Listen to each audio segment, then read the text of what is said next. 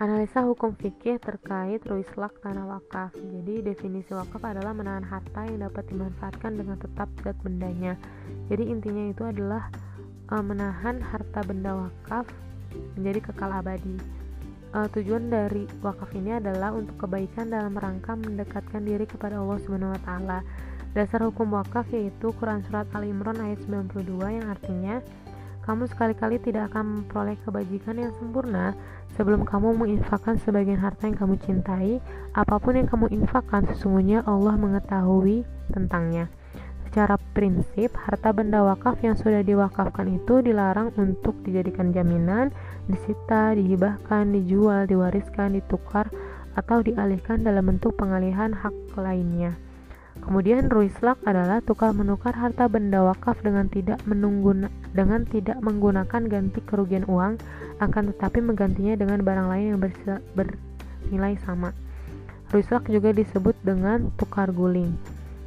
Dalam kajian fikih, para ulama juga memperbolehkan adanya tukar guling atau ruislak tanah wakaf dengan syarat tertentu dengan syarat tertentu dengan uh, mempertimbangkan aspek kelestarian dan kemanfaatan tanah wakaf. Secara umum, alur alur secara umum alur proses tukar guling ruislak tanah wakaf tersebut sesuai dengan analisa hukum fikih terkait ruislak tanah wakaf. Definisi wakaf yaitu menahan harta yang dimanfaatkan dengan tetap zatnya. E, inti dari wakaf adalah menahan objek harta wakaf menjadi kekal abadi. Tujuan dari wakaf itu adalah eh, dalam rangka mendekatkan diri kepada Allah Subhanahu wa taala. Dasar hukumnya itu Quran surat Al Imran ayat 92 yang artinya kamu sekali-kali tidak akan memperoleh kebajikan yang sempurna sebelum kamu menginfakkan sebagian harta yang kamu cintai. Apa pun yang kamu infakkan sesungguhnya Apa pun yang kamu infakkan sesungguhnya Allah Maha mengetahui tentangnya. Secara prinsip, harta benda wakaf yang sudah diwakaf itu dilarang untuk dijadikan jaminan, disita, dihibahkan, dijual, diwariskan, ditukar atau dialihkan dalam bentuk pengalihan hak lainnya. Selanjutnya, ruislak merupakan tukar menukar harta benda wakaf dengan tidak menggunakan ganti rugi kerugian uang, akan tetapi menggantinya dengan barang lain yang bernilai sama. Dalam kajian dalam kajian fikih, Para ulama juga memperbolehkan adanya tukar guling atau ruislak tanah wakaf dengan syarat tertentu dengan mempertimbangkan aspek kelestarian dan kemanfaatan tanah wakaf. Secara umum, alur proses tukar guling ruislak tanah wakaf sudah sesuai dengan regulasi perundang-undangan khususnya Undang-Undang Nomor 41 Tahun 2004 tentang wakaf dan peraturan turunannya. Tinjauan dari hukum fikih ada dua persyaratan yang harus dipenuhi dalam tukar guling ruislak tanah wakaf. Yang pertama, bahwa tukar guling tersebut dilakukan demi kemaslahatan yang lebih besar. Yang kedua, tanah penukar keadaannya harus sepadan atau lebih baik.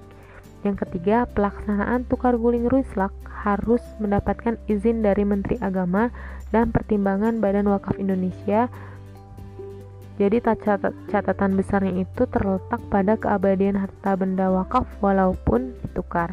Sedangkan dilihat dari sisi tanah penukar harus sesuai sepadan atau lebih baik maka penentuan lokasi tanah penukar dengan cara membandingkan harga tanah asal dan dengan harga tanah penukar sesuai dengan harga NJOP juga harga pasaran. Selain itu, lokasi tanah penukar yang dipilih harus strategis sehingga diharapkan akan lebih berkembang tanah wakaf tanah wakaf tersebut. Contoh penerapan Ruislak di Indonesia yaitu pada proyek Jalan Tol Pejagaan Pemalang. Mekanisme Ruislak di Indonesia yaitu Nazir mengajukan permohonan tukar ganti Ruislak kepada Menteri Agama melalui KUA dengan menjelaskan alasan-alasannya. Kedua, kepala KUA kecamatan meneruskan kepada kantor uh, urusan agama kabupaten kota Ketiga, Kepala Kantor Kementerian Agama Kabupaten Kota kemudian membentuk tim penilai harta benda wakaf dan harta penukarnya. Keempat, Bupati atau Wali Kota kemudian membuat surat keputusan berdasarkan penilaian dari tim penilai tersebut. Kelima, Kepala Kantor Kementerian Agama Kabupaten Kota kemudian meneruskan permohonan Ruislak dengan memperoleh penilaian tim penilai kepada kantor wilayah Kementerian Agama Provinsi. Keenam, Kepala Kantor Kementerian Agama Provinsi kemudian meneruskan permohonan Ruslak kepada Menteri Agama melalui Direktorat Direktur Jenderal Bimbingan Agama Is Bimbingan Masyarakat Islam. Ketujuh, Direktur Jenderal Bimbingan Masyarakat Islam selanjutnya membuat permohonan pertimbangan atau rekomendasi Ruislak kepada BWI. Kedelapan, BWI kemudian meneliti kelengkapan dokumen Ruislak dan merapatkannya pada saat uh, rapat pleno. Apabila pleno menyetujui, BWI selanjutnya memberikan rekomendasi Ruislak kepada Direktur Jenderal Bimbingan Masyarakat Islam. Kesembilan, Direktur Jenderal Bimbingan Islam Masyarakat Is selanjutnya meneruskan permohonan dan rekomendasi Ruslak kepada Sekretaris Jenderal Kementerian Agama untuk diteruskan kepada Menteri Agama dan diproses penerbitan SK dari Menteri Agama. Terakhir, apabila semua dokumen dan prosedur Ruislak dinilai sudah benar, Menteri Agama kemudian menerbitkan surat izin Ruislak.